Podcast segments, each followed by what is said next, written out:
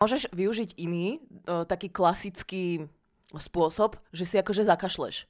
Vieš, a ten človek nevie, či si zakašľal, alebo si naozaj No tak povedal to, čo si myslel. nemocnej a končí sex talk. Víte, jako to mě nemůže zrušit, ne? Tak vydejte do postele, děláš. A on, to je sex to je nádhera. A ty musíš popri tom povedať to slovo. Že akože Vím napríklad... kašle. No, že Co to napríklad za strategii tohle? kok. Sex talk, a.k.a. dirty talk, a.k.a. špinavý hovor, a.k.a. ušpiněná řeč. Čo, mne sa dnešný deň akože strašne páčil s tebou. Uh, lick my pussy, alebo niečo tak. To je to tak, nejhorší, co jsem kdy slyšel v rámci sex talku. Taký bizar, že ideš do kuchyne a snažíš sa vidličkou si vypichnúť oko. Zrušuje ma, keď niekoho niečo vzrušuje. Môžeš hovoriť špinavý hovor aj sám sebe, keď masturbuješ. Dávam paplon preč z postele, uľaháme do lože. Nejsou úplně velký jako fantazie, že bych řekl, o, vesmírná ženo.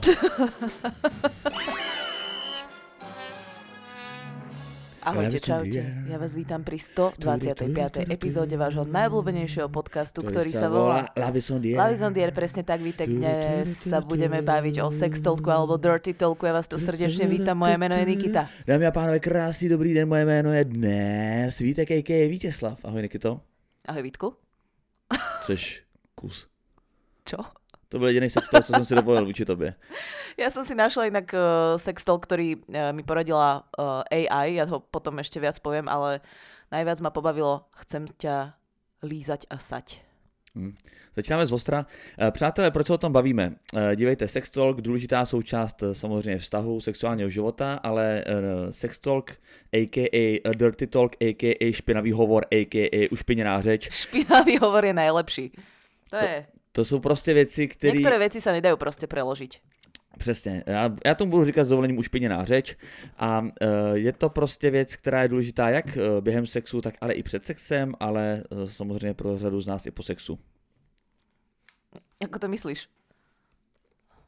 Akože Tak jak to říkám, že, ne? Co no, tom? ale tak ako, že uh, niekomu hovoríš, že je napríklad, neviem, šlapka počas sexu a uh, hovoríš mu to aj potom, ako bežný deň, že idete do reštiky a No tak čo, dívej. čo šlapka, čo si dáš na obed?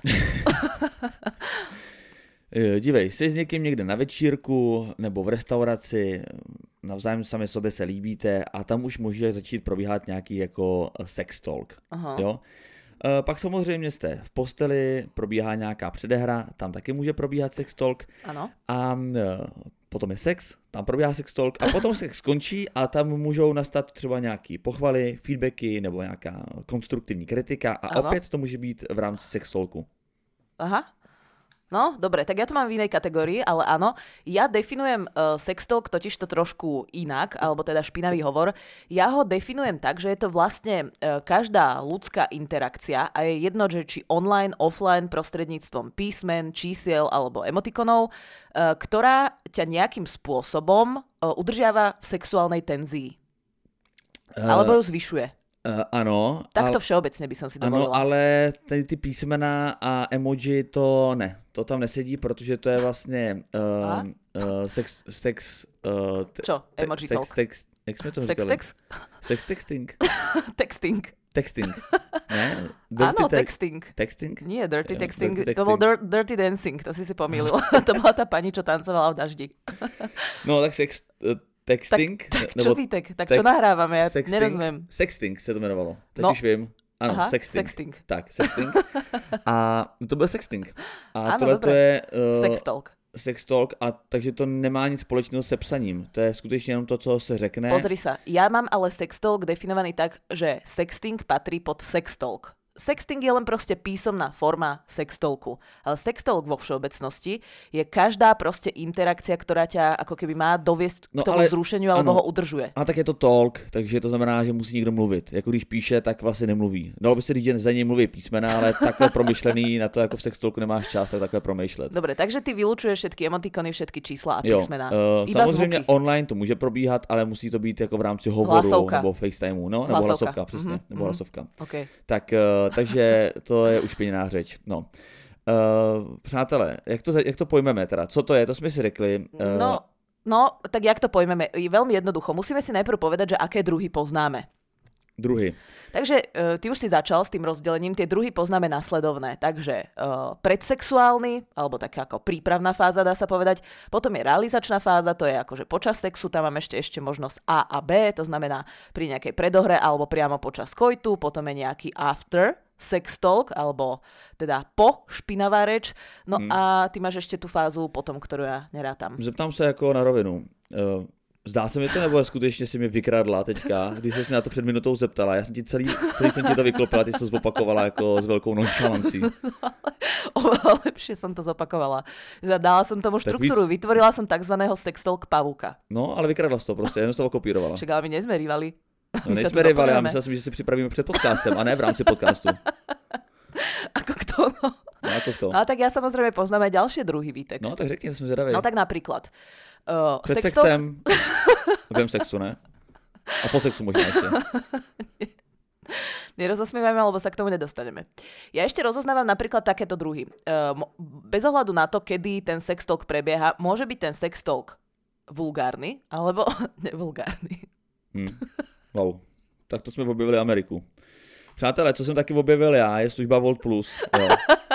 To je výborná služba. Uh, já jsem jako velký fanoušek a milovník Voltu, to se určitě ví. Uh, ja som, e, prepáč, ja ťa preruším, ja som veľká fanušička uh, fočka z tofu a malá fanušička chodenia, takže v podstate Volt je u mňa v mobile tiež obľúbená aplikácia. No, uh, to je vlastně pravda, že ty objednáváš přes Volt, ty jsi mě vlastně k němu dovedla. Pamatuješ si to? Ty jsi mi ho naučila využívat asi před čtyřma rokama. Hej, fakt? Já jsem ho neznal, no. Aha. Ten a čo si používal? Aplikace geniální. Tu, Já tu vlastní nohy. vlastní nohy a pak už jenom natahoval ruce kurýrovi. Prečo to tak rozosmialo. Ale ešte s Voltom sa e, pojí jedna zaujímavá príhoda, že ty si mi totiž to vtedy, e, lebo si nemal ešte vlastný Volt, ja si myslel, že to je len záležitosť bohatých, takže si vlastne tvoju kartu, keď sme objednávali, vieš, že jeden deň som objednala akože ja z mojej karty, jeden deň z tvojej a ja som no. po troch rokoch tú kartu našla ešte vo svojej histórii akože kariet Voltu, ale no. skúšala som niečo objednať, ale nefungovala už. Jo, ja som po třech letech ve svým výpisu účtu pořád viděl to fočko, takže pravděpodobně fungovala. To nevadí. Uh, Volt máme rádi, skvělá aplikace, jo. můžeme doporučit, to určitě znáte, to není žádná raketová věda. Co je ale velká věda a novinka, je služba Volt Plus. Řekni, co to je, Nikito. Volt Plus je, priateľe, taká služba, lebo to, čo nás najviac otravuje na Volte, je to, že sa... sponsoring. že samozrejme, máš tam nejaký teda uh, uhlíkový príplatok a tak ďalej, to je takých pouhých uh, 10 korún, dá sa povedať, ale občas ťa môže aj otravovať to, že uh, rôzne reštaurácie majú teda rôzny poplatok za doručenie a záleží aj od toho, že že z akej diaľky si to objednávaš. No, no tak to je a keď práve objednávaš to. tak často ako ja, to znamená 2-3 krát do týždňa, to je minimál. To je ke, akože keď sa krotím, keď uh, ako že párkrát do týždňa sa fakt hecnem a idem no. nohami na obed. A to si kúšiš pies, protože jo. by si chcela víc. Jo, to by som chcela viac, ale tak v takých slabých týždňoch minimálne 2-3 krát si objednávam a to doručenie, čo ja viem, tak a ti 39, ja řeknu, 39 korún. Chci víc. Dobre. Je približne tak 39 korún, to znamená, že za týždeň je to niečo akože cestovku. No a Volt Plus je taká služba, uh, poznáme to možno aj z iných nejakých aplikácií firiem. Volt Plus je taká služba, ktorá vlastne za uh, poplatok 99 korún ti umožňuje mať, ak si objednávaš takto uh, viacero jedál týždenne ako ja, mať tú službu potom zadarmo. Ty si vlastne predplatíš doručenie, zaplatíš 99 korún a potom už za doručenie neplatíš. Ale sú tam ešte dve také zaujímavé veci, že prvý mesiac je táto služba zadarmo zadarmo. Mm-hmm. A keď uh, by si chcel no, takéto členstvo prémiové na Volte uh, na rok, tak máš? Mm. No máš eh, vlastně nárok na poloviční cenu do konce května, to celý vlastně na celý rok koupíš za 590 korun a pak už to nemusíš řešit, což je super. A vlastně Volt Plus ještě tvrdí, že eh, když máš eh, tady tu službu, tak ty s každou objednávkou můžeš ušetřit až 69 korun. Což jako vím si, že když objednáváš třikrát týdně, no tak to už máš jedno fočko v kapse. Tak v podstatě mi budu platit za ty fočka, dá se povedať. No, dá se říct, že vlastně ti s tím jídlem přivezou i prachy. Takže to je vlastně skvělá služba, Volt Plus, určitě to doporučujem. A Uh, to bol takový Volt Talk. Jo, bol to Volt Talk. Ale akože fakt pre ľudí ako ja uh, sa to oplatí. Neviem, ako ostatní ľudia objednávajú Volt, alebo ako sú náchylní k tomu si chodiť po jedlo normálne nohami, alebo jesť v reštauráciách. Ja to nestíham, takže ja voltujem. No a poďme naspäť k tomu sextolku, ak mm. teda dovolíš.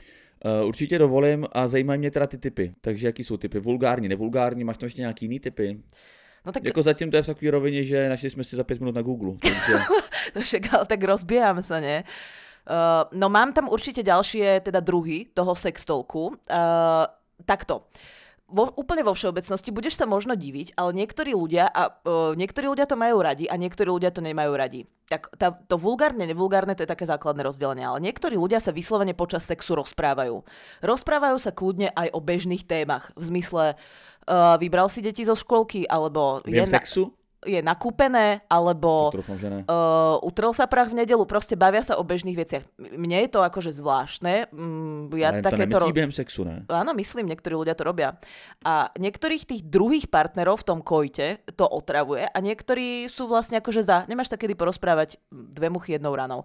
Tak to sú také akože To je bežné. strašný. Niektorých to, to to sa ale samozrejme... nebavíme, tohle není sex talk, podle mě. No, ak to niekoho vzrušuje, tak je. Ak to nerobíš vyslovene iba z nutnosti, že nemáš sa kedy inokedy porozprávať. Moment. Koho vzrušuje informace o tom, jestli si vyzvednul děti ze školy? ja neviem, Vitek, sú ľudia, ktorí ako bežné veci, rozprávanie sa o bežných veciach počas sexu vzrušuje. Potom ďalší druh, dobre, to, tento sa ti nepozdával, idem ďalej. Potom sú ďalšie druhy, také utržkovité, povedzme. Je to také ako, že páči sa ti ho, alebo vieš, že také, také utržkovité o, o, potvrdzovacie, dá sa povedať. Že, a to väčšinou muži robia. A ja k tomu poviem jednu... Potvrzujúce typy. Ja to potom ešte rozvedem do jednej príhody. Ale to väčšinou muži robia, že tak čo páči sa ti to, kote, alebo je dosť veľký, alebo mm. neviem, proste takéto a tá žena väčšinou robí iba takéto lascívne, že buď niečo akože odpovie, že yes, yes, alebo áno, alebo iba aha, vieš, a také, uh, také No. zvuky No tak to vytvára. je jako inspirace sporná, že jo, hodně. uh, áno. Tak No. iným ľuďom do spálne nelezem, keď majú koitus, takže môžem čerpať iba z porna No alebo ne, z to vlastnej nemyslím u tebe, ale skúsenosti. ty, ty lidi se inspirují jako v pornu. Jaj. Že to by tě vyloženě, kdyby pornu neznal, tě to nenapadne se na tohle zeptat. Mm, Páči se ti to? Yes, yes. Co to je, ty? Jako tohle, kdyby mi řekla holka, tak se mě rozesměju. Mě odejdu, to není žádný sex talk. No, uh, takže aj takéto druhy sextolku existujú. Ja musím povedať, že existuje jedna taká show na Slovensku. Volá sa... Ja, to hovorím preto, lebo včera sme sa o tom s Katarínou bavili. Katarína totiž to tvrdí, že má takú guilty pleasure, že pozera túto show. Televizné noviny. ne?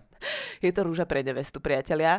Ja som uh, teda okrem Krištofa Králika, všetko ostatné na tejto show je vyslovene dehonestujúce, ponižujúce a úplne, akože stra- to je fakt akože strašnosť.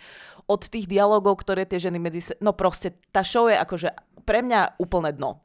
Ale chcem povedať k tomu jednu vec, že včera som sa akurát, lebo Katarína uh, dokončila tender.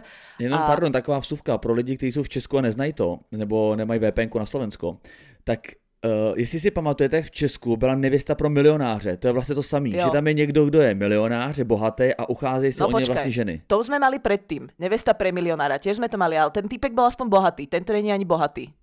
A tohle teda květinář, nebo proč to jmenuje růže pro nevestu? Tak, lebo nenašiel si bohatého, tak proste len rozdáva rúže. No, kytku. tak to je dobrý. A on komunikuje, ja som to včera videla asi druhýkrát, lebo vždycky Katarínu to je jediná vec, pri ktorej ju vyslovene nútim, že buď e, ako ultimátum, buď si dám sluchatka ja, alebo si dáš sluchatka ty, lebo Hmm. není som schopná to ani počúvať bez toho, aby som sa rozčulila. Fakt jo. A on, ten, ten pán, tento kvetinár, on odpoveda takým štýlom, že on vlastne je v opačnej tej polohe, že on je taká tá potvrdzujúca žena, že, že niekto niečo povie a on áno, alebo hej, on stále iba vlastne opakuje áno, ako keby im neveril, že to, čo povedali, myslia vážne, alebo opakuje to, čo hovorí, že vieš čo, mne sa dnešný deň akože strašne páčil s tebou, bo prešli sme sa na koníkoch po pláži, on áno, bola si šťastná a vlastne furt robí takéto tak není to nějaká charitativní show, jako že ten člověk je postižený, nebo... strašne zvláštne dialógy. A presne ma včera napadlo, že to je ako sex talk, len vlastne o, opačne, vieš, že ten chlap povie, že páči sa ti to, a yes, yes. Ja Tak on na- takýmto spôsobom komunikuje a je to akože extrémny bizar, ale nie je taký bizar ako farma, že sme sa na tom kedysi smiali, ale taký bizar, že ideš do kuchyne a snažíš sa vidličkou si vypichnúť oko. Dobře, uh, tak nikdo se na to asi z nás koukat nebude, když to takhle jako zhodnotila, ale já bych se rád vrátil na úvod toho podcastu, kde jsem jako zapomněl vysvětlit, že sex talk má vést k tomu, aby vás vzrušil.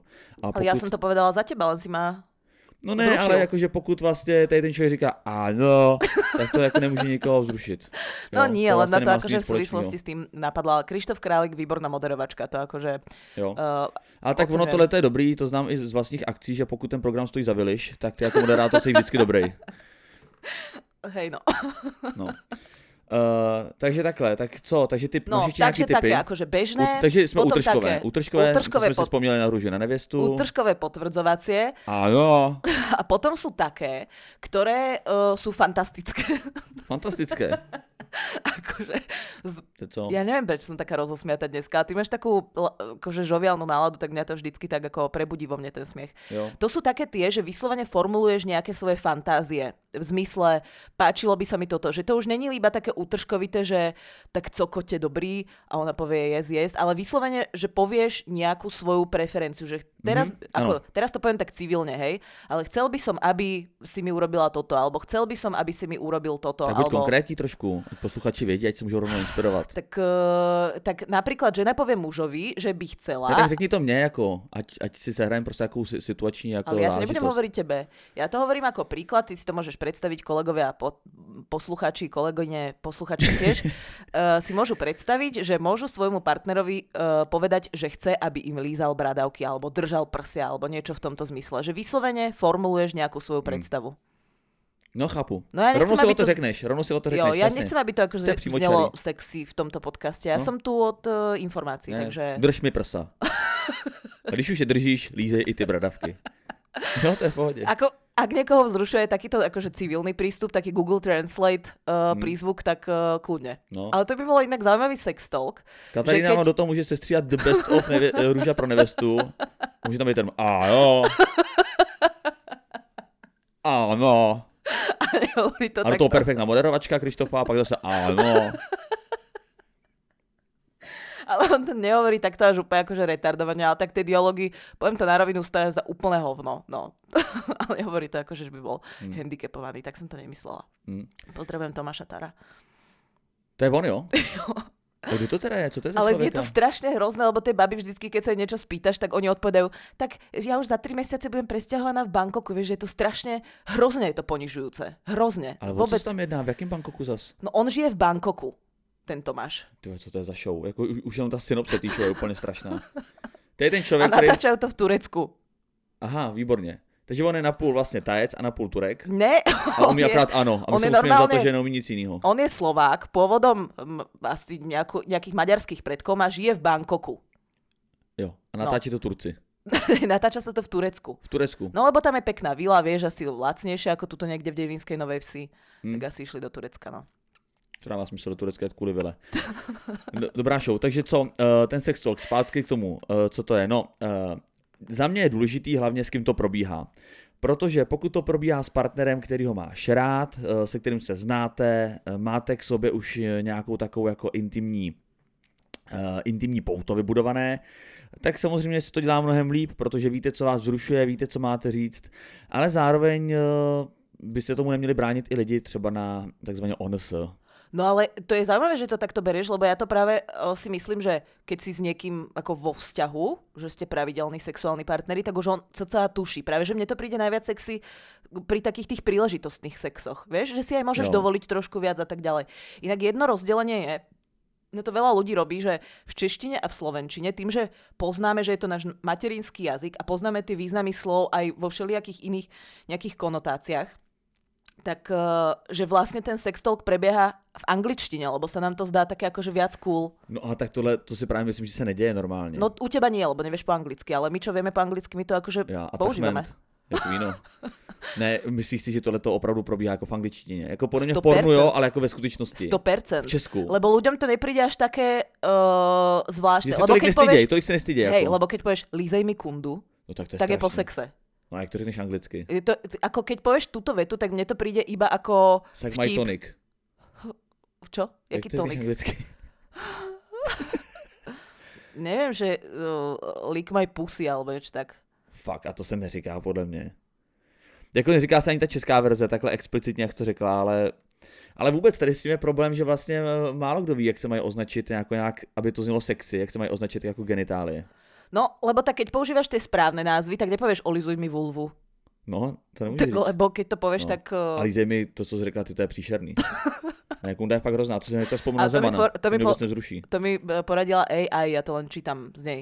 To no. Nemám nějaký jakože experience v tom. No, to, no a za mě právě je dobrý s tím člověkem se, když se jako znáte, protože už víte, co vás zrušuje, víte, jak to funguje a dovolíte se víc, že ty hranice jsou jako dál, že s člověkem, se kterým se neznáte, a třeba spolu spíte poprvé, tak za prvé si vůbec nedovolíš před ním mluvit, protože se stydíš. Za druhý vůbec nevíš, co se mu vlastně líbí a uh, může to, a to je právě ten problém uh, sextolku, že tam jako tenká hrana u těch uh, nových sexů, nebo jak to říct, u těch lidí, se kterými se ještě neznáme v tom sexuálním životě, že tenká hrana mezi tím vzrušením a tím vtipem. Že ty můžeš říct něco, co toho druhého vlastně pobaví a vůbec ho to nevzruší. No já ti povím, keď jsme se dostali k tým problémom, to je podle mě na této téme najzaujímavejšia ako keby časť. Prvá vec je, že veľa ľudí sa hambí vieš, nevieš, ako máš začať, lebo ten partner proste je ticho, pozera ti do očí, neviem, alebo ti líže bradavky, alebo niečo, čo si no, ako... Alebo ti drží prsa. alebo ti drží prsia. A ty vlastne nevieš, ako máš začať, že či to není, vieš, že či ten človek to bude brať takisto sexy, ako ty to myslíš. No. Takže sa často hambí, že ten rozbeh, a zároveň je najťažší. To, zároveň sa to nemůžete domluvit, jo, protože to by ztratilo veškerou tu spontánne. Víš, že, že by si řekla, tak, uh, už se to začíná, ty řekneš, hele, tak dneska si budeme říkat, dneska budeme dělat sex talk. To nemůžeš, prostě musí začít, ale nevíš, jak to vykopnout. No, a zvlášť ženy mám pocit, že majú o, taký dojem, že buď by ten sextalk mal viesť muž, alebo že by ho mal začať. Čo akože nie je úplná pravda, no, lebo jako, môže ho začať kľudne žena. Můžeme se bavit o těch strategiích, jak to začít samozřejmě. Jako jedna z variant uh, je něco jako Touretteov syndrom, že vlastně z ničeho nic řekneš. Kurva! To ale není sextalk, to je choroba. Ne, já vím, ale že to vypadá podobně jako Touretteův syndrom. takže, Tam ty lidi vlastně takže zpívají. Ty si začal... Levis když je na, na, na pódiu a zpívá prostě svůj největší hit, tak během toho řekne bitch. Nebo shut the fuck up. Hej, ja viem, ja som videla tú potávku na ten, na ten uh, dokument, ale uh, no, tak jenom chci ako říct, neviem, že či by som sa hrala, že mám Tourettov syndrom, len aby som to, rozprudila ne, nejakú debatu. Práve to se špatně chápeme. To není o tom, že uh, sex talk má začínat tím, že si hrajete na někoho, kdo má Tourettov syndrom, nebo tož na Levis Capaldiho. Uh, sex talk je o tom, že Nikita potlačuje smích, zasměj se do mikrofonu. Ani bohovi. No, tak ty jsi faker. Uh, Uh, já jsem nechtěl přirovnat sextalk k Levis Capaldimu a k jeho nemoci. Já jsem to chtěl přirovnat k tomu, že stejně jako tady u té nemoci občas vyřkneš nějaký vlastně sprostý slovo, tak u toho sextalku tak nemůžeš začít. Že vlastně dost rizikový začít sextalk nějakou rozsáhlou větou, souvětím nebo nějakým příběhem. Je dobrý říct jedno, dvě, tři slovíčka, které můžou naladit tu atmosféru a uvidíte, jak ta druhá strana zareaguje. Tak můžeš využít jiný, uh, taký klasický spôsob, že si akože zakašleš. Vieš, a ten človek nevie, či si zakašľal, alebo si naozaj no, tak povedal to, že si nemocnej a končí sex talk. Víte, jako to mě nemůže zrušit, ne? Tak vydejte do postavy až...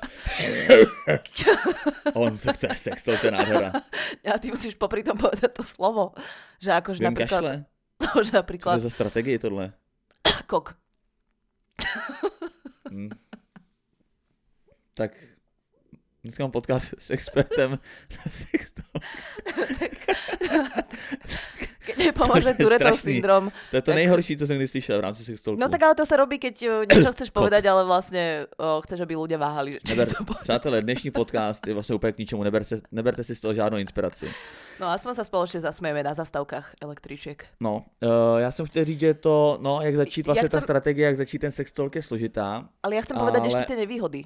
No jasně, jenom řeknu jednu věc, pak se teda k tomu ještě můžeme vrátit, že to, co funguje a čím podle mě se nedá udělat úplná chyba nebo krok vedle, tak je vlastně popisování uh, té situace, která právě probíhá. Mm-hmm. Akože o, dávam paplon preč z postele, uľaháme do lože. Čo? Ty jsi nejhorší sex talker, co jsem kdy zažil. Lož mi penis do pošvy. Ne, ale můžeš říkat třeba... Ďakujem, uh, že mi držíš prsia. Ne, můžeš třeba říct, uh, neviem, strč mi ty kalhotky do pusy. Kalhotky do pusy? Prečo by si si strkal kalhotky do pusy? No ne, ona tě může strčit, může říct něco takového. Jo, aha. Prostě můžeš začít takhle, nemusíš vyloženě popisovat, můžeš jí jako k něčemu navádět a nemůžeš popisovat to, že prostě cítíš jak, jako jak cítíš čo? něco Co se hambíš? No nevím, tak chtěl jsem říct, tak nevím, jak to říct slušně, třeba cítíš, ale tak to tak není sexolog, ale jako cítíš, jak do tebe třeba pronikám, pronikám, jak, jak pronikám, cítíš, jak pronikám. Tak, tak, tak to zní hrozně, tak když nejsme zrušený, tak ten sexolog vypadá hrozně, ale uh, no, může se prostě popisovat ta situace. No, bože no. No, já chci ještě jenom říct jenom pořád k takovému už dalšímu úvodu uh, v kategorii jako co to je. Tak já jsem chtěl říct, že je důležitý teda s kým to probíhá, ten sex talk, to je jedna věc, že může být před, během i po sexu, to jsem řekl už jako v první minutě, Nikita to pak vykradla, ale i chci říct takovou zajímavou věc, že ten sex talk vlastně probíhá nejenom slovama, ale že to probíhá i do určitý míry tělem, že to, jak se chováme, nebo to, jak si, to, jak se chová to naše tělo, jak si leháme, jaký děláme pohyby, tak to je taky vlastně určitá forma sex talku. A důležitá věc je, a to už jsem taky zmínil, že tenká hra mezi srandou a vzrušením, no. Že to opravdu uh, může vás to hodně vzrušit, anebo vám to může připadat tak absurdní a trapný, že vlastně vás to spíš pobaví, urazí, nebo znechutí, nebo prostě spadne ta míra toho, toho vzrušení. A na druhou stranu si říkám, jako já jsem člověk, který v rámci toho sexu jako ten humor vlastně mám rád, že jsou lidi, kteří si říkají v posteli se nemůžeš smát. A já si říkám, že vlastně občas se zasmát v posteli. Nie, naopak, akože nemusíš rozprávať... To prohlubuje tu intimitu těch dvou lidí ještě o trošku víc. Určite. Uh, som úplne za. A hlavne uh, ja si myslím, že aj počas toho sexu, aj pred tým sexom, aj vlastne akože teoreticky aj po ňom, uh, ak sa že nevysmievaš tomu druhému človeku, tak to tam akože má miesto, že ono ťa to trošku z toho nejakého flowu vyruší, ale ono to není akože vždy úplne na škodu, vieš, trošku sa akože spomaliť, uh, zasmiať sa a zase potom pokračovať možno tým istým alebo niečím iným, že ja to mám akože tiež rada, nerobím to úplne na schvál, ale keď sa akože podarí niečo smiešné, tak som za to vlastne vďačná. Mm-hmm. Uh, ja by som sa rada vrátila ale k tým problematickým častiam ano. toho. Tak já jsem se vrátil na úvod podcastu, co to je. Jasné, tak môžeme sa ešte vrátiť. vrátím, Úplne predtým ešte vlastne pred nahrávanie by sme sa mohli vrátiť. No. Uh, tie problematické časti sú totiž aj to, a to som uh, zistila až pri príprave, lebo ma to vlastne doteraz úplne nenapadlo, že takisto ako pri nejakých sexuálnych technikách a, a metódach a polohách a všeličom inom, tak môžeš aj pri tom sextolku alebo pri tom akože špinavom hovore naraziť na nejaké hranice. Môžeš naraziť napríklad na nejaký hm, termín, ktorý frajer pre frérku alebo frérka pre fréra používali so svojimi bývalými a sú na jeho citliví v zmysle, je to pre nich zrušivejšie alebo naopak, že už sa vlastne k tomu výrazu nechcú vrácať, hmm. alebo že je to pre niekoho z nich vlastne nepríjemné v zmysle, že je to záhranou, akože že je to pre nich ponižujúce. Vieš, niekomu sa, akože niekomu v nejakej situácii, v nejakom čase sa môže páčiť, že mu povie, že je šlapka, ale ako nie každému sa to páči v každej situácii, v každom Jasne. čase. Tak může to být bývalá šlapka, že nerada na to spomíná, tu minulost.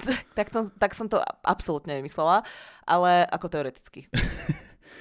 No, takže toto je uh, No ale hlavně pokud jako toho člověka, eh, pokud na něj používáš sextalk, který si používal jako v minulých vztazích, tak taky tam může utíct jako jméno toho bývalého partnera. To by byl problém. No, ale toto je inak taká vec, že keď máš vlastne s niekým uh, špinavý hovor, tak je veľká pravdepodobnosť, že toto isté hovoril aj svojim bývalým, hmm. bez toho, aby si musel spomenúť meno, že je to vlastne taký Taková akože neviem, či, či je to dobrý pocit. No, no, že si to lebo... trošku spojuje s tím člověkem a v hlavě malinko nebo minimálně v podvědomí to malinko zahraje svoji roli. No, lebo ty vlastne akože nemeníš... Uh... Ten člověk v tu chvilku spí trošku i se svým bývalým. Že ty nemeníš vlastne ten sex talk, že ideš do nového vzťahu, tak si vymyslíš nový. Väčšinou je, sú to veci, ktoré no. používaš, máš s nimi nejakú skúsenosť a, a proste ich akože prepoužívaš potom ďalej, no. Hmm. Takže to je určite ešte nejaká nevýhoda.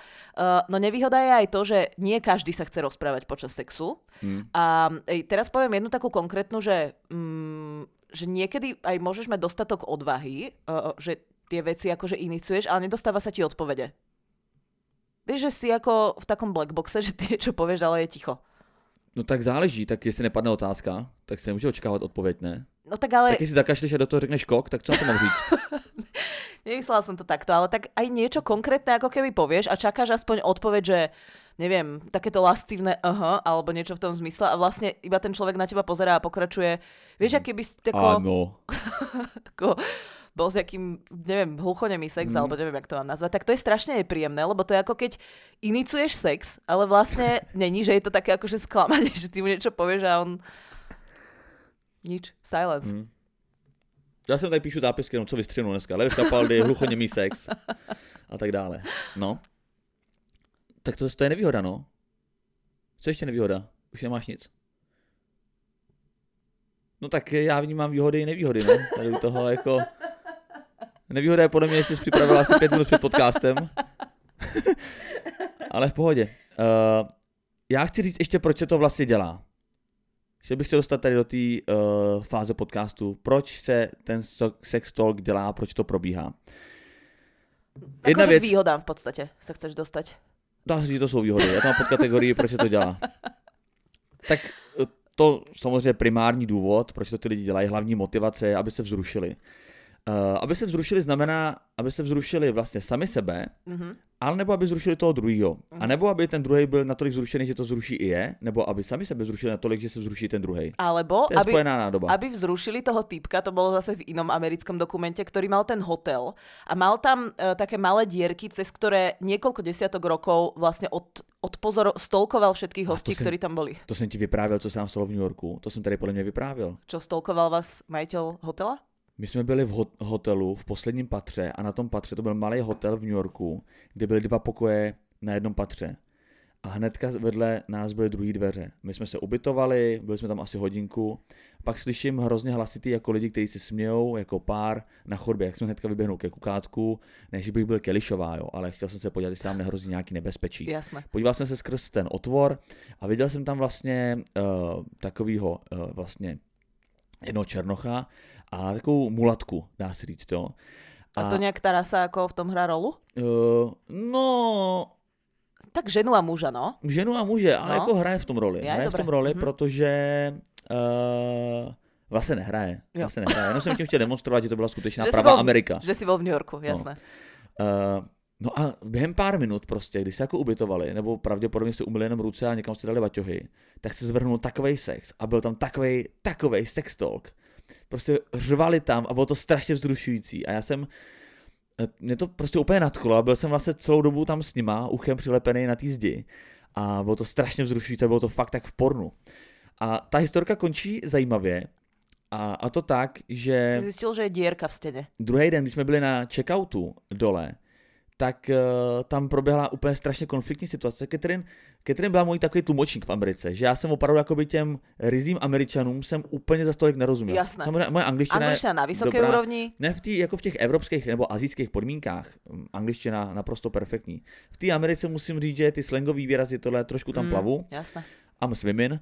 A uh, tady vlastně se mi stala taková situace, že Catherine nějakým způsobem odešla v nějaký moment, uh, když já jsem seděl u recepce a já jsem tam byl najednou sám a tam přišel tady ta dvojka.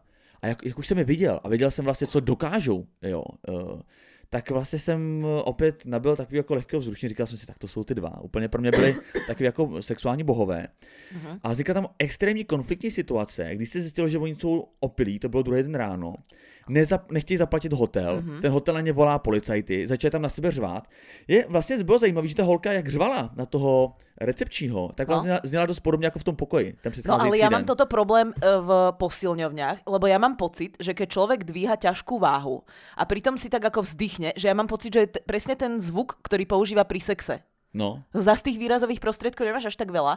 A ja sa niekedy cítim v tej posilňovni, vieš, keď veľa ľudí dvíha ťažké váhy, tak je mi to až a také tak to nepríjemné. No, to je pra- a nesmí si to takhle spojit, no, jinak no, je to blbý. už, tak pardon, už som to spojila no, všetkým. Ale jenom, že vlastně oni nechtěli zaplatit a byla tam hrozná hádka, skoro i bitka, já tam vlastně seděl úplně spráskanej a uh, blbý bylo, že ta vlastně žena, uh, která nezaplatila, která vlastně byla autorka toho výrazného sexuálního hlasu. Tak žena, tak oni byli pár, tak ani ten muž nechcel zaplatit. No to jo, ale ta žena, že po mně pořád něco chtěla, Aha. že jako, že mám něco dokázat, jako, mm-hmm. že mhm. ten hotel, tu situaci jsem vlastně nepochopil. Že ona... jsi mal verifikovat, že mali jako sex. Ne verifikovat sex, ale ona prostě nechtěla zaplatit ten hotel z nějakého důvodu, že z něčeho byla nespokojená a vlastně já jsem byl jako člověk, který to má potvrzovat. Jo.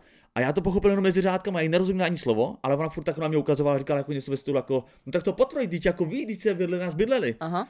A já prostě tam seděla, ale ako... I'm sorry a čekal jsem, kde přijde Catherine, prostě extrémně stresová a zároveň vzrušující situace. Jako takovéhle měsíce pocitu jsem fakt dlouho neměl. Tak nevím, v čem to bylo vzrušující, ale nechápem, no, ako... Vzrušující, protože ona na mě řvala tím hlasem, který jsem ano, znal vlastně ano, vedlejší. Ale nechápem, ako ona vedela, že, si, že jste vedle něj bývali, keď ty si ju vlastně viděl cez kukátko. Ne, my jsme, ne, my jsme si totiž potom potkali na chodbě jeden den. Uh-huh, uh-huh. Aha, tak už tomu rozumím. No, no, no. Jinak lepší. jako nebylo tam samozřejmě, že by mě znala jiným, jakýmkoliv jiným způsobem. Když třeba Catherine usnula, já jsem se šel podívat, nebo jsem šel okřiknout a oni mě tam pozvali a řekli, tak eh, my tě to naučíme. No jasně, jasně to samozřejmě. No, to se může někomu zdát, ale jako sexuální fantazie.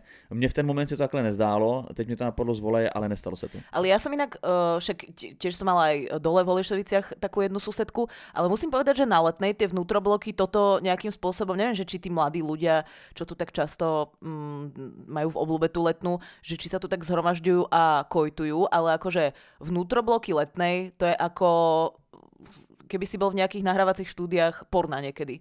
Že Jo. tam to je akože, tak neviem, aký máte vy vnútroblog, ale tak- ja som mala taký dobrodružný. Já mám vnitroblok na letný uh, a tam se neděje skoro nic, tam teďka budují cukrárnu. No, tak tam asi nebudou takové zvuky.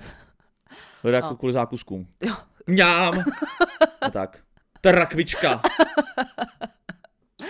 No a potom ešte existuje delenie uh, sextelku na uh, úplne potichu, My jsme Akože dělení, já myslím, že jsme výhody, akože nevýhody, už sme, se už sme. dělení. ale ešte ma to napadlo, že vlastne môžeš mať taký šepkací, potom taký hovorený a potom taký vrieskací. No to můžeš, no. No. Na základě jako hlasitosti, Jo. intenzity. Mhm. A můžu se vrátit zpátky pro to, proč se to dělá? Ano, já ten podcast povedať- a struktura je úplně, úplně na sračku. Áno, ale zase ako veľa smiechu. A ja chcem ešte povedať jednu tú výhodu, takú tú, uh, jak to mám povedať, takú emočnú, že vlastne si s tým buduješ veľmi hlboký alebo hlbší intimný vzťah s tým svojim partnerom, najmä vtedy, keď on formuluje nejaké svoje fantázie a nejaké svoje predstavy. Mm-hmm. Lebo ťažko, tak ako takto, ťažko to povieš aj počas toho sexu, že je to také na začiatku také polotrápne, ale už mimo sexu to povieš ešte menej často, vieš, že, že No, chcel to- by som, to- aby si urobil niečo netradičné, že mimo No toho to sexu ti to zača- príde ne, úplne vlastne blbosť. A tak to jsme doporučovali v rámci těch sexuálních otázek, že jo? Tak věřím, že naši posluchači už to mají jako praxi. Ale stejně přece když jsi jako když máš nového partnera, jste spolu pár měsíců, tak je hrozně těžký otevřít tu diskuzi a začít se bavit otevřeně o tom, že co se ti líbí a co tě vzrušuje. To chápu, že to je nepříjemný. A u No toho ale- sexu je to vlastně nejlepší moment, kdy to můžeš použít, protože ty lidi jsou aspoň trošku omámený tím vzrušením a více to hodí, než jako běžní konverzaci ty- u rohlíku v byle. Ty vieš podľa mňa dobre formulovať také nejaké veci, že neviem, polohy alebo niečo také akože špeciálne, ale nevieš, také utržkovité veci, že, že chcem, aby si ma chápeš, neviem, plesol po zadku alebo, alebo plesla po zadku, alebo niečo také, čo fakt ti príde mimo toho vzrušenia, mimo tej akože sexuálnej nálady, také akože divné. Utržkovité. To je můj nejoblíbenější tip zatím za dnešní podcast, co se říkal, utržkovitý tip sextolku.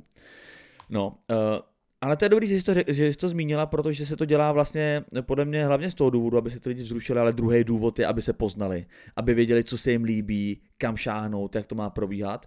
A další věc, která, když se to vlastně dělá, tak je součástí nějakých jako rolí. Ať už to, že si hrajete prostě roleplaying, že, jo, že si hrajete na to, že jsi učitel a, a žačka a doktor a sestřička nebo pacient a tak dále, ale i z hlediska toho, že v tom páru vždycky, nebo přijeme, že se to často děje, že prostě někdo je dominantní a někdo je jako víc takový submisivní, Mm-hmm. tak tam ten, eh, ten sex talk patří podle mě dost. Už jenom kvůli tomu, podle mě už jenom z takových jako, uh, Tak musíš tú dominanciu niečím vyjadriť. no Tak musíš, začneš slovami. musíš slovama, přesně tak, ale už jenom kvůli tomu, že uh, z hlediska nějaký jako distribuce um, na, na té posteli musíš toho člověka jako odkorigovat, jo? že teď si prostě sedí tamhle, teď se lehni, Mhm. mm-hmm. teď tamhle to ukáž, takhle se našpůl a tak. Jo. Teraz povysávaj, uprac tú poličku.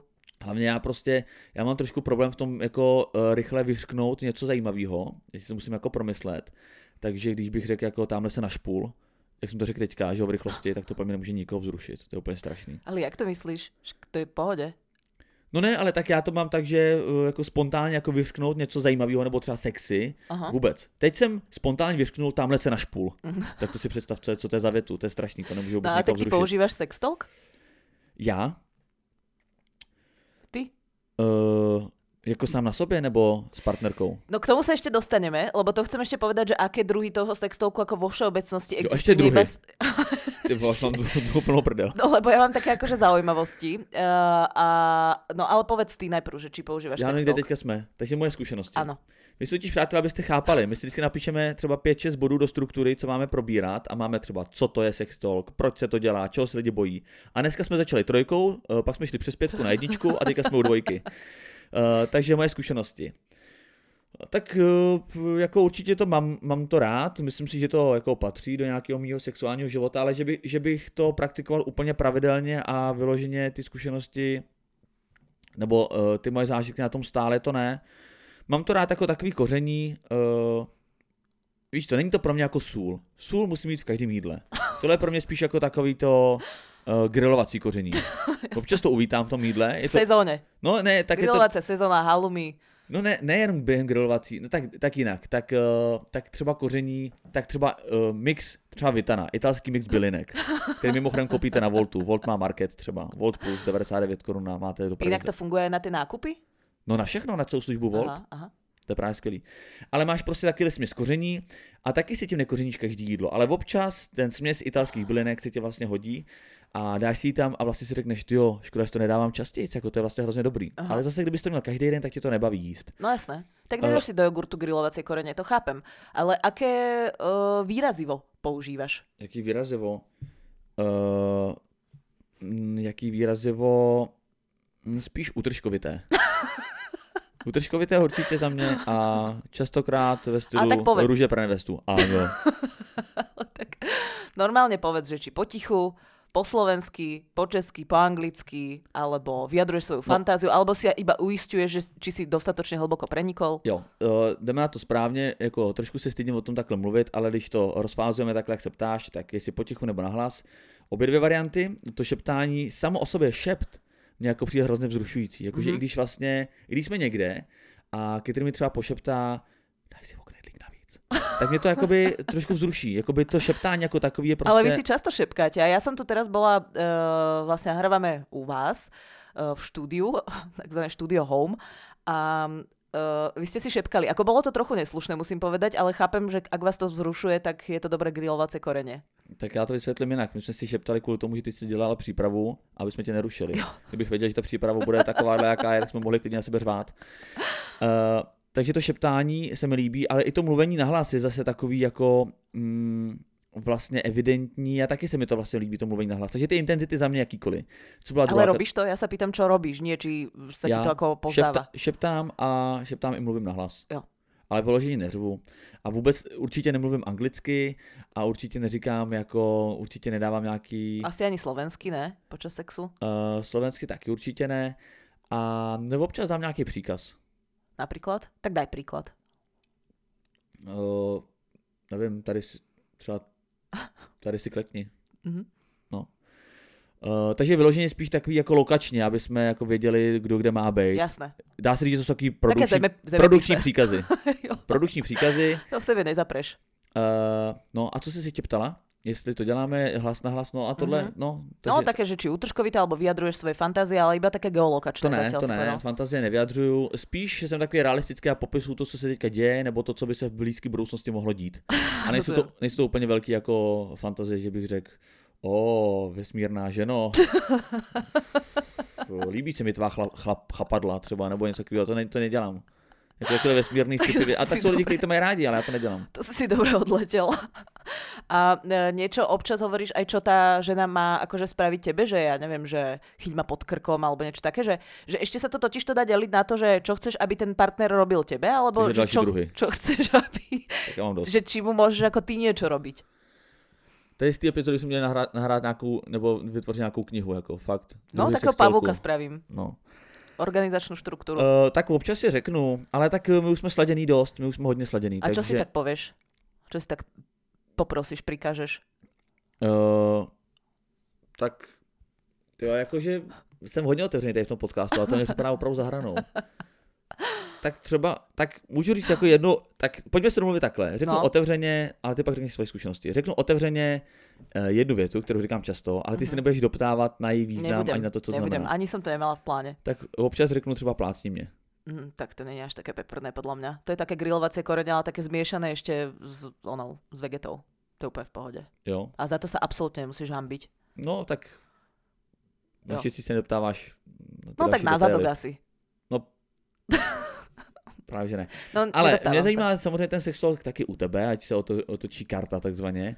No, takže co? Takže nahlas potichu, e, šeptání. Potichu. Ja som typ absolútne iba potichu. Že, jako šeptání. Že e, úplne iba šeptanie. Jednak preto, že mi to príde vzruš, vzrušujúcejšie a druhak preto, že potom, ako som videla ten dokument o tom moteli, tak uh, si ako počítam s tým, že niekto ni- nejak ma môže pozorovať. Ja napríklad sa strašne bojím aj mobilov v posteli počas kojtu, lebo mám pocit, že náhodou zapneš nejaký livestream, niečo, vieš, tak mm. mobily idú preč, ale snažím sa minimalizovať riziko nejakého akože audiovizuálneho prenosu niekam mimo našej uh, spálne. A aj kvôli tomu, že by to príde viacej sexy, aj kvôli tomu, že nechcem, aby to počul akože nikto iný okrem tej Kataríny, ani neviem, keby ma niekto ako odpozorovával, mm. uh, že akú vetu vyslovujem alebo aké slovo.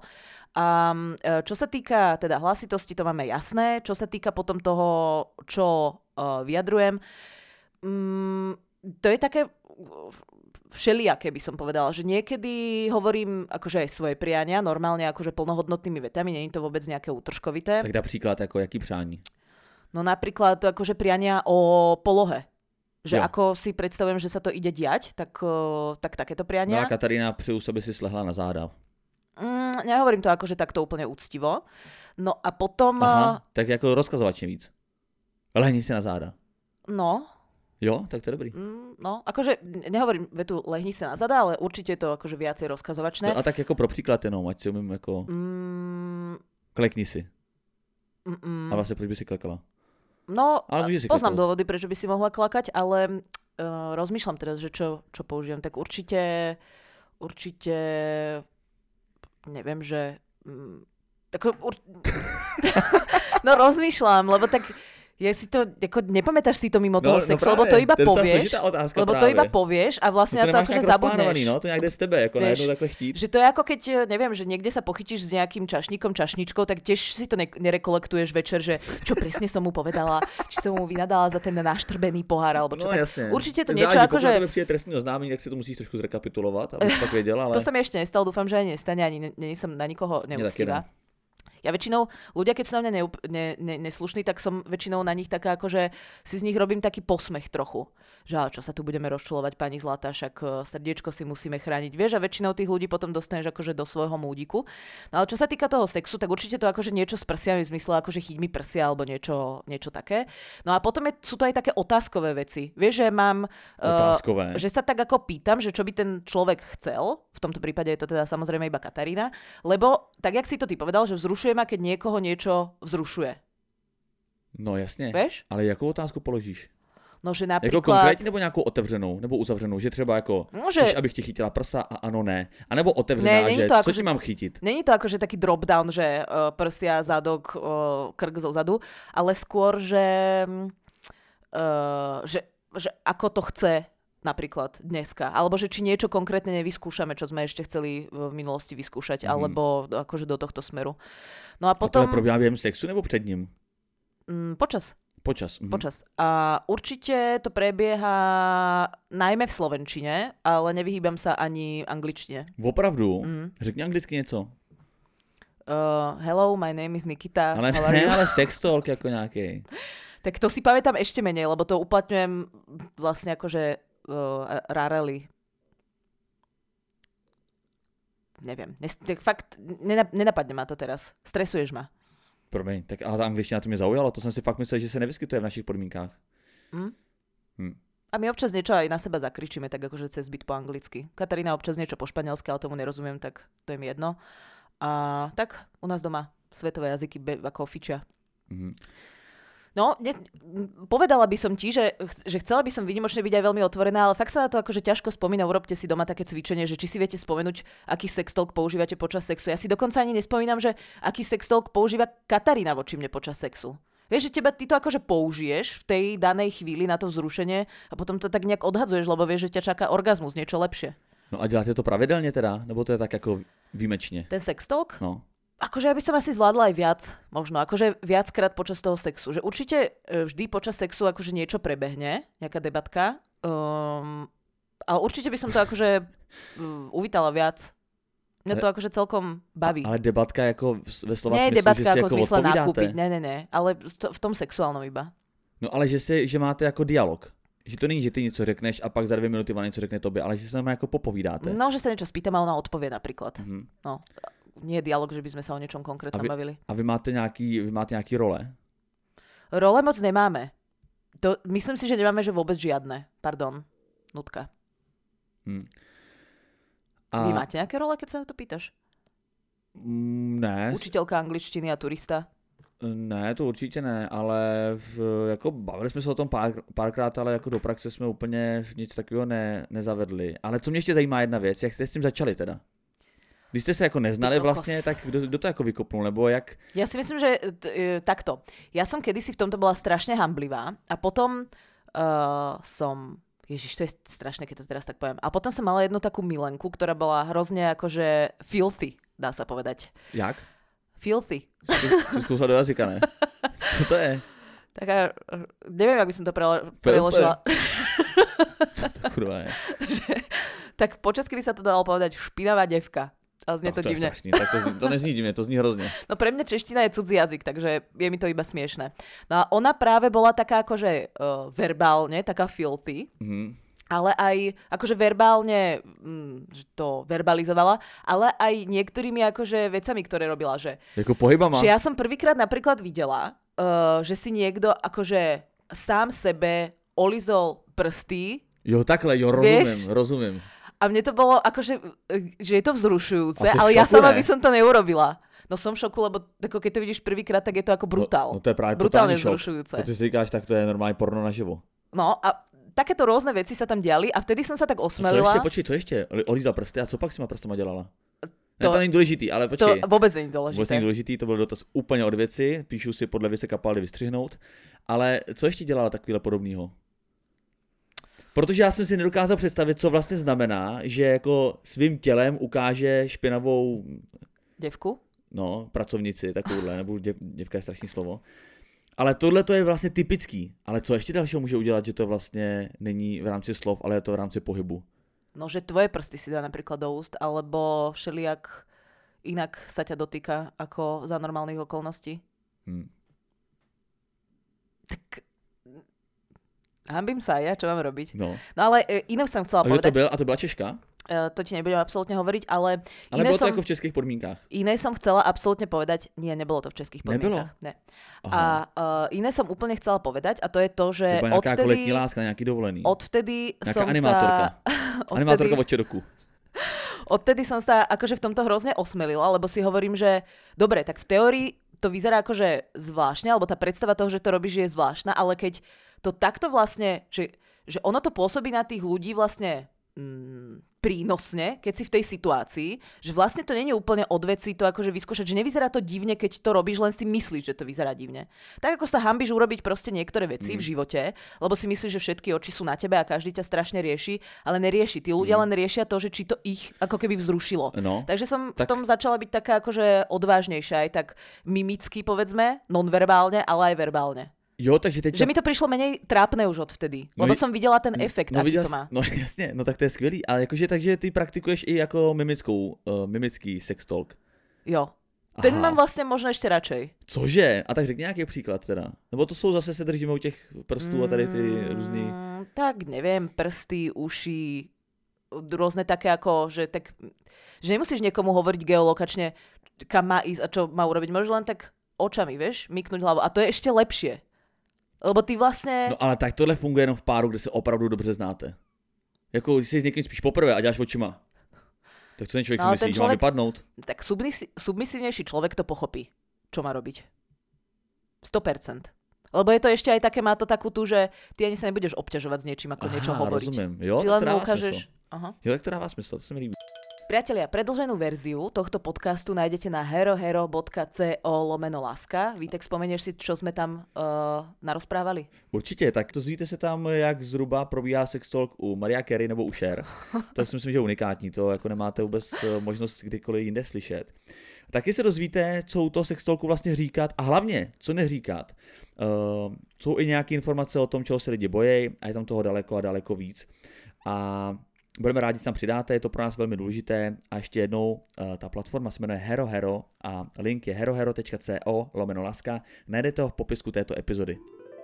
Děkujeme, že jste nás doposlouchali až sem. Eh, Dnešní podcast byl ve spolupráci se službou Volt Plus, takže určitě vyzkoušejte, máte tam 30-denní uh, trial uh, vyzkoušení zdarma, tak za to nic nedáte, jak to zkuste, uvidíte, jak uh, pohodlná služba to je.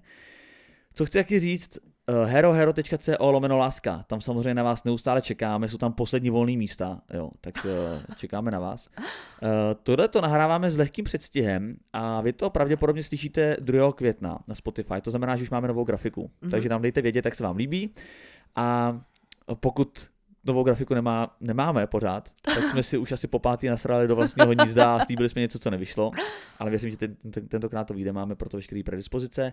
Uh, čtyři Instagramové profily, Lávisno die potržítko podcast, Refresher.cz, jsem vítěz a Nikita.xyz a je to za nás všechno. Těšíme se na stories, buďte konkrétní. Tak, my sa s vami, priatelia, lúčime. Moje meno je Nikita. Moje jméno je Vítek, a.k.a. Sex, Sex Talk Slav. Auf Wiedersehen.